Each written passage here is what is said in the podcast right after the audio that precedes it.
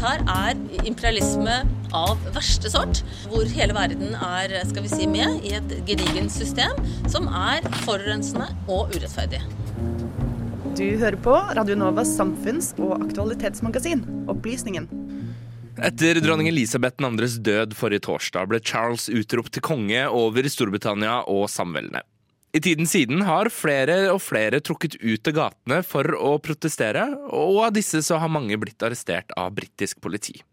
En av dem som har blitt arrestert, det er Simon Hill, foreleser, forfatter og aktivist. Simon, thank you so much for joining us.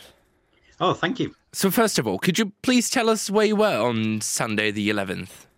Well, I live in Oxford in southern England. I went to church on Sunday morning in the city centre, which I, I usually do.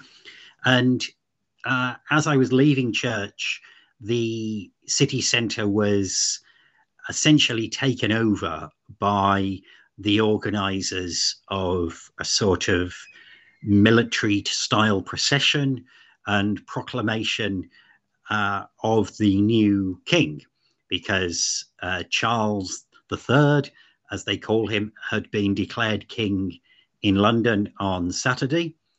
And according to law and tradition, uh, a new monarch has to be then proclaimed in cities around the United Kingdom uh, the next day. Uh, I suppose a hundred hundreds of years ago, this would be how the how the news was was conveyed.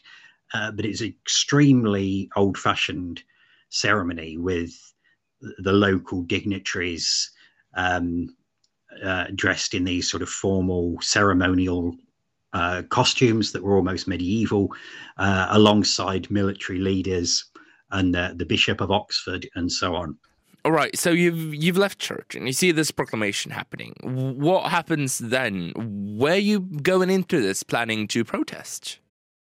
I hadn't been planning a protest. I hadn't taken a banner. I hadn't encouraged people to go to protest. I could have done all those things, and I, I don't think there'd be anything wrong with doing that. But I hadn't. I was in I was in the city centre to go to church, and as I left church, I was walking through the crowds, uh, trying to find my way through because some of the some of the roads had been closed off. So I was fairly near the proclamation uh, when it was made. I, I, wasn't right next to them. I was sort of at the back of the crowd. There were a few hundred people between me and them. Uh, the proclamation began by expressing grief for Elizabeth, the, the previous uh, queen, and I, I, wouldn't interrupt an expression of grief or an act of mourning for for anybody, whoever it was, whatever I thought of them. People have the right to grieve, and I wouldn't I wouldn't interrupt that. But then the, the High Sheriff of, of Oxfordshire, who was reading the proclamation, uh, began to proclaim that Charles was our only and rightful Lord and King, um, and that we owed him affection and obedience. And you know, this is these are the words that were used hundreds of years ago and are still used today. And I have a problem with being told who our head of state is without being asked, without being consulted uh, being told that I should give obedience to someone because of a because of who his ancestors were. So I called out who elected him.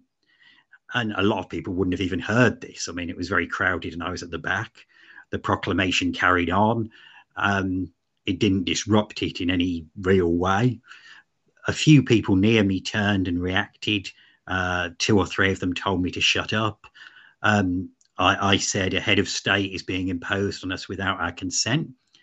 Um, and then very quickly, some uh, security guards appeared in front of me, told me to be quiet, and then started uh, pushing me away, physically pushing me.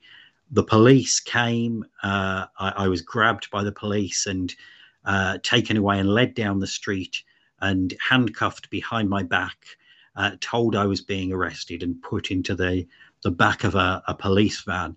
It was it was all all this was in a matter of minutes. I, I, doubt it was as much as five minutes between when I said who elected him and when I was handcuffed and in the in the police van. So you're arrested and you're and you're put in the back of this police van. Why? I suppose you were told on what grounds you were arrested. Uh, under the British law, if you're arrested, the police are supposed to tell you straight away um, under what law you have been arrested. Um, so as I was being led away, they they did tell me I was being arrested, and I think at that point they quoted the law, but I couldn't hear them. It was very noisy. Um, the uh, proclamation was still going on. There were some people near me challenging the police and asking why they'd arrested me. Um, and my own hearing is not uh, is not perfect. So amidst all the noise, I couldn't hear what the police were saying. When I was in the back of the policeman, I kept asking the policeman who was nearest me what the grounds for my arrest were, and he said he didn't know, which is very worrying in itself. He said he would find out, but he was very vague about it.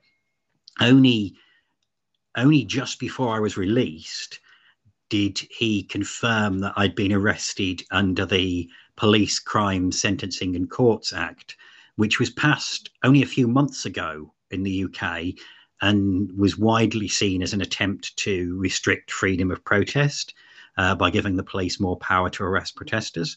But actually, um, although the police told me that at that point, since then, when journalists have contacted the um, the, the, the Oxfordshire police, the police have told them I was arrested under a completely different law, the Public Order Act from 1986. So it seems the police themselves aren't sure of the legal basis for arresting me, which is really worrying because in any you know in any democratic state, uh, arrest should follow a due process, and people should only be arrested when there's um, when there's clear, reasonable grounds for it. If the police can arbitrarily arrest people and not even know which law they're operating under, then that's that, that's really worrying. I think. But has there been? So you were arrested and uh, presumably released on Sunday. Is that right? Yes. Yes. Has there been any further consequences? Do you know whether you'll you'll have to serve time? Whether you're you have to pay a fine? Do you know anything about that? Um, yeah, well, the way it would work um, here in the UK, you can be arrested and then uh, you might be charged with a crime. And if you were charged with a crime, you would be taken to court. Um, now, I was released without being charged, uh, but I was told I might be called back for a police interview. Um, and I was told I could still be charged. So it's possible I could still be charged, in which case I'd be I'd be tried and then um, you know that there could be uh, some sort of punishment. But uh, obviously, this is something you've been open about. You wrote a blog post on the day you got out, uh, and also yeah. tweeted a lot. How how has the response been to your story? Well, I've been taken aback with the level of interest because I, I think it's really um, really important to recognise that actually people get arrested unfairly very often, and in the UK, the statistics make very clear that uh, black people in particular are more likely to get to get arrested and to get arrested unfairly. I'm I'm white, and I, I'm not. You know, I'm privileged in some ways. I can I can write. I can talk about it, and there are there are victims of unfair arrests who who don't get this much attention. So, on the one hand, I'm pleased that there is so much uh, media interest in the arrest of anti-monarchy uh, of anti-monarchists, but I I also think it's really important that we recognise that some of these issues, such as the police abuse of their powers, um, are much much wider, go very deep, uh, are longer standing, and really need really need addressing. I think what we're seeing now is that the monarchy is being used as an excuse to suppress any form of dissent, to suppress any any debate. And I, have had hundreds, if not thousands, of messages since this happened. Um, I've been really humbled by all the people who've expressed their support. Many people also who don't agree with me about the monarchy, but still think I should have a right to free speech expressing their support. Of course, there's been some abusive messages, some uh, nasty messages, um, but I've been really uplifted by how many people have been outraged about the the arrest of people for very minor acts of resistance to monarchy over the last few days. And um, uh, that encourages me to think that the, it, it won't all get forgotten. Uh, but uh, you know, we all know how quickly the media move on and the news agenda moves on, and um, uh, our, our, fundamental rights and the problems with monarchy and the problems with the police uh, can't just be a, a, discussion for today. It needs to be, it needs to be addressed long term. Right. Thank you, Symon Hill, so much for joining us. Oh, thank you very much.